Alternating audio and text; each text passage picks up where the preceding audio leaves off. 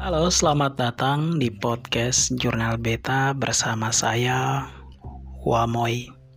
Kawan Beta, kali ini kalian berada pada topik membunyikan teks. Teks yang mau kali ini kita bunyikan datang dari beranda Facebook saya yang dipost pada hari ini tanggal 15 Agustus 2020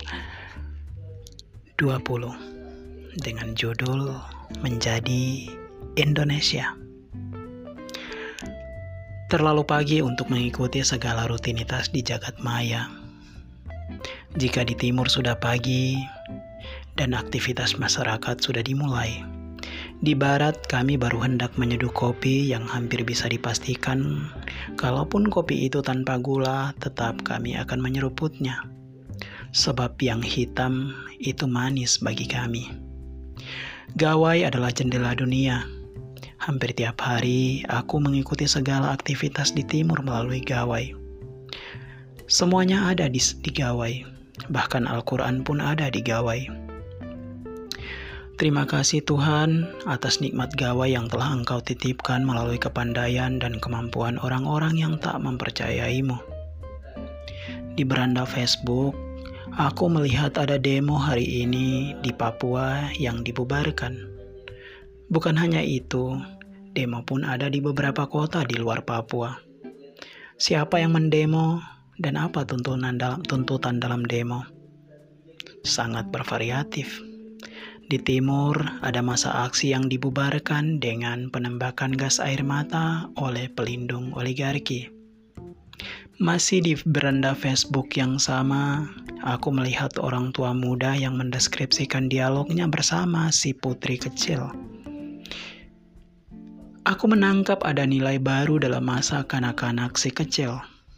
Pasalnya, dialog itu tentang si anak kecil yang menghadirkan tanya seputar pengibaran bendera di halaman rumah. Kata si kecil, "Bu, kenapa kita tidak pasang bendera di rumah kita?" Dengan sedikit bercanda, si ibu menjawab, "Gak usah." Si putri kecil yang riang melanjutkan, "Oh iya, kita kan orang Papua." Aku jadi ingat seorang sejarawan Uncen yang dari hasil penelitiannya untuk tesis S2 di UI.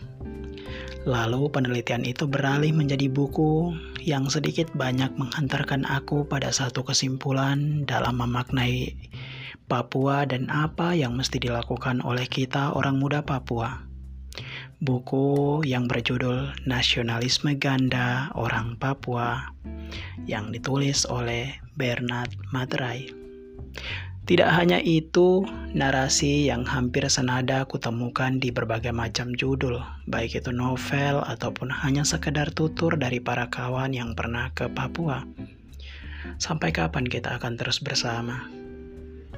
Jika kita terus bersama, apa yang mesti kita lakukan dalam menghadapi kekisruan yang selalu saja muncul?